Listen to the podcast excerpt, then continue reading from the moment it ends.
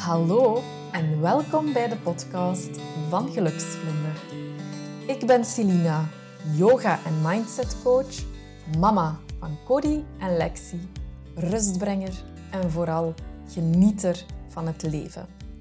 Het is mijn missie om met yoga en coaching zorgzame vrouwen te begeleiden naar een bewuster leven vol positieve vibes. Met mijn enthousiasme neem ik je mee naar een leven met meer bewustzijn waar jij je goed kan en mag voelen. In deze podcast staan yoga, persoonlijke groei, zelfzorg en positiviteit centraal. Hiermee inspireer ik jou om goed voor jezelf te zorgen, zodat jij anderen kunt blijven ondersteunen en voor hen kunt zorgen. Klaar om meer ademruimte in te nemen?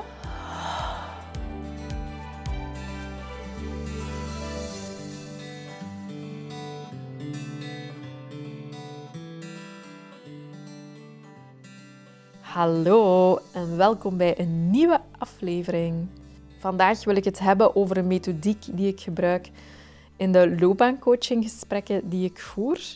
En het is vaak als we deze oefening doen, dat ze daarna zoiets hebben van: Ah ja, ah oké, oh, dat is interessant om te weten. Eigenlijk draait de methodiek over je jobkeuze gaan afstemmen op je Hollandcode. En ik spreek je van een Hollandcode. Dat is omdat er eigenlijk een professor psychologie deze methodiek heeft ontwikkeld. En die zei eigenlijk van kijk, elke persoon bestaat uit zes en dezelfde interessetypes. Dus die heeft onderzoek gedaan en die heeft eigenlijk contact we kunnen bepaalde eigenschappen, kwaliteiten gaan bundelen in zes verschillende types. En elke persoon op de aarde, elke persoon op de wereld heeft die zes types in zich. Maar vooral, je hebt er een aantal die heel uitgesproken zijn, die meer uw voorkeur hebben. Dus jij weet op het einde van, van de van uh, dit onderzoek, weet je eigenlijk van oké, dit zijn mijn drie grootste interessetypes. Als ik nu een job heb die hierbij aansluit, dan ga jij je het gelukkigst voelen. Ga jij er ook zeker van zijn dat jij je volle potentieel benut. Wat heel belangrijk ook is, je job is niet alles. Wat ik heel vaak ook zie in de praktijk, is dat een van de drie hoogste interessetypes vaak ook wel iets is dat je meer in je vrije tijd gaat gaan inzetten. En dat is ook een belangrijke, om te weten dat die twee naast elkaar kunnen staan.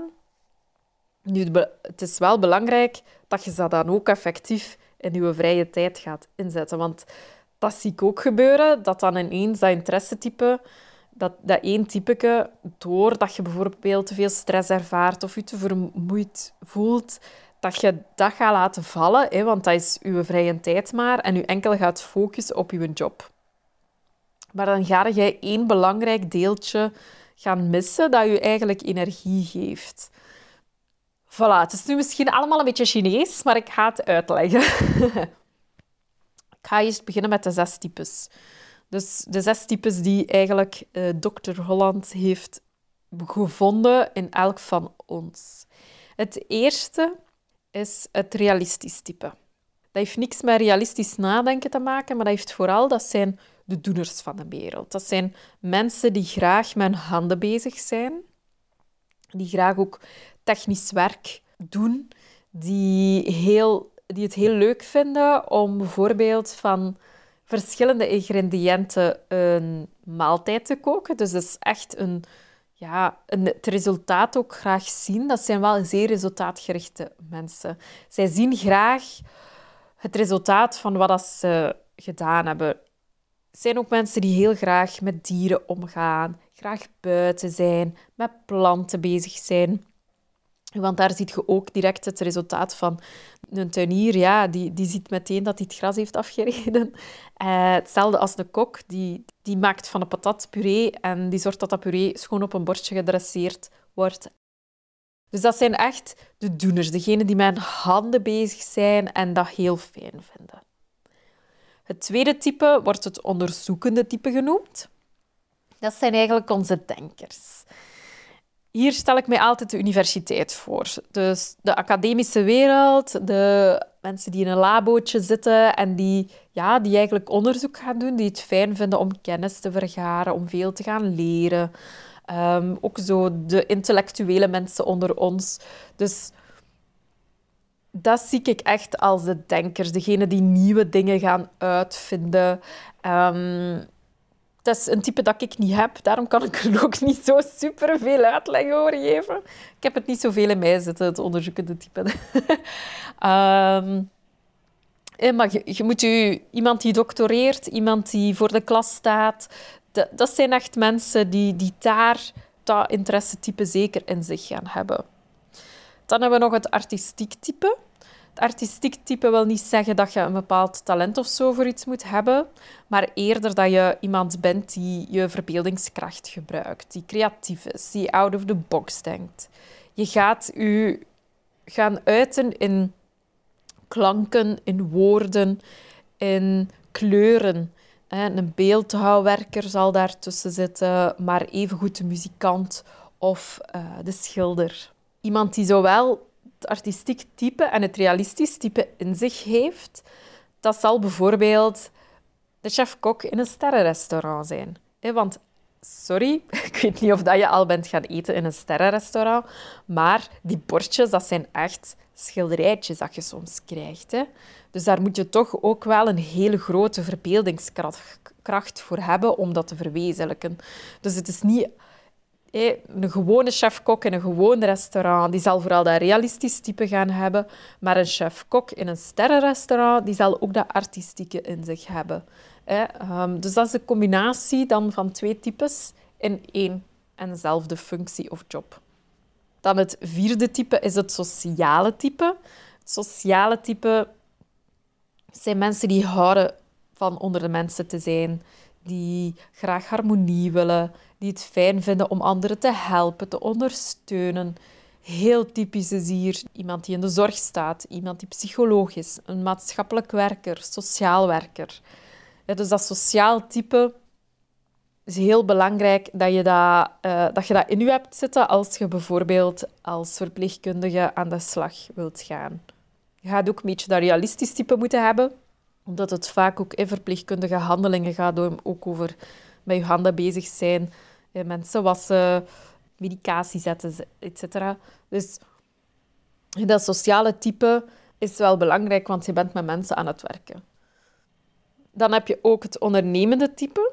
Ondernemende types zijn mensen die voornamelijk ja, in de marketing en sales terechtkomen, die terechtkomen in een job waar ze veel moeten organiseren, waar ook leidinggevenden zitten vooral in dat ondernemende, want dat ondernemende toont echt dat je ja, initiatief gaat tonen, dat je ook risico's durft te nemen, maar dat je ook anderen kunt meenemen in je verhaal.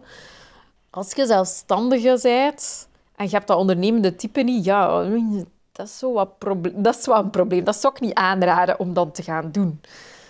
Maar bijvoorbeeld, ik zelf heb dat ondernemende type in mij. Dat is ook een van de redenen dat ik het ja, tof vind om zelfstandige te zijn, om echt een ondernemer te zijn. Maar je hebt evengoed mensen die dat helemaal niet willen. Bijvoorbeeld mijn partner, die zou dat nooit van zijn leven willen. Dus die heeft zeker dat ondernementype gewoon niet in zich zitten.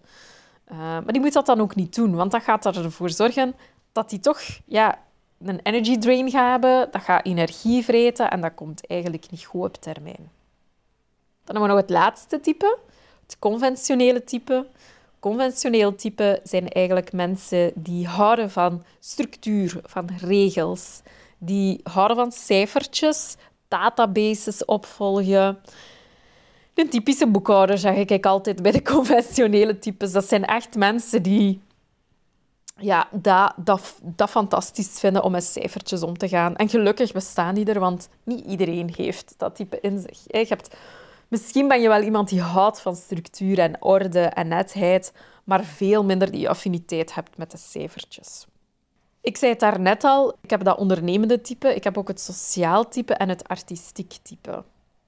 Nu, dat artistiek type, dat uit zich voor bij mij vooral in het, ja, het feit dat ik hier een podcast maak, het feit dat ik les geef en ook wel um, vaak in meditaties mijn woorden kwijt kan. Maar dat heeft er vroeger bijvoorbeeld nooit in gezeten. Ik heb eerste vijf jaar van mijn werkervaring zat ik in een functie als verantwoordelijke voor de personeelsadministratie. Ja, als je dan gaat kijken, wat zit daarin? Oké, het sociale zit daar wel een beetje in. Maar voor de rest zit daar ook heel veel van dat conventionele type in. Ik heb, dat, ik heb daar toch vijf jaar gewerkt, maar ik ben uiteindelijk ook ja, daar weggegaan omdat ik het niet uitdagend genoeg meer vond voor mezelf. Waarom? Omdat dat ondernemende daar eigenlijk amper bij zat. En de artistieke zat er helemaal niet in. En ik ben dat dan uiteindelijk stilletjes aan wel wat begonnen. Hè. Als ik bij mijn blog ben begonnen, ben beginnen bloggen. Dus ja, dat schrijven zat er dan zo al wat bij. Uh, en hij is dan uiteindelijk alleen maar beginnen vermeerderen. Ik werk echt volgens die drie types die bij mij het meest aanwezig zijn. En dat zorgt ervoor dat ik best wel gelukkig ben. Uh, wil dat zeggen dat ik geen dingen moet doen die minder leuk zijn? Ja, uiteraard wel. ik heb ook een boekhouding te doen en ik heb dat conventioneel type niet. Maar mijn, mijn belangrijkste types zijn wel voldoende vervuld, waardoor ik wel het gevoel heb dat ik zinvol werk doe en, en dat ik voldoende energie krijg met wat ik doe. Dus in een loopbaancoachinggesprek gaan we eigenlijk echt op zoek gaan naar jouw types en gaan kijken van oké, zit dat momenteel in uw huidige job? Is dat momenteel aanwezig? Of is dat momenteel aanwezig in uw vrije tijd?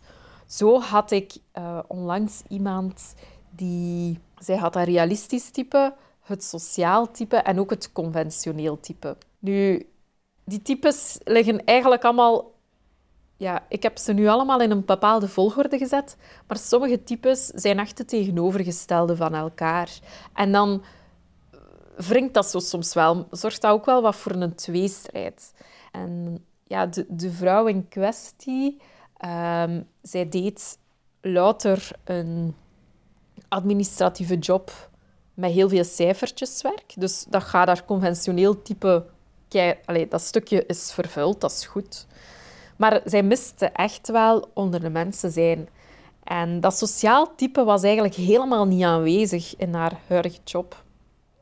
Zij zat alleen op een bureau. Zij voelde haar echt eenzaam en dat zorgde ook wel voor stress. Uh, het realistisch type, dat was iets dat zij wel in haar vrije tijd had. Dus zij had heel veel honden, paarden. Um, maar zij merkte ook, doordat zij wat aan het leeglopen was, dat, dat ze daar ook veel minder energie voor had. Terwijl dat daar ook best wel energie geeft. Maar als gevolg dat zij enkel ja, in dat conventionele zat. En ja, uiteindelijk ja, zijn we er eigenlijk tot uitgekomen van... Oké, als jij nu blijft zitten waar dat jij zit, dan ga je niet gelukkig worden. Ja, jij mist dat sociale, jij mist dat realistische. En wat is zij uiteindelijk uh, dan gaan doen?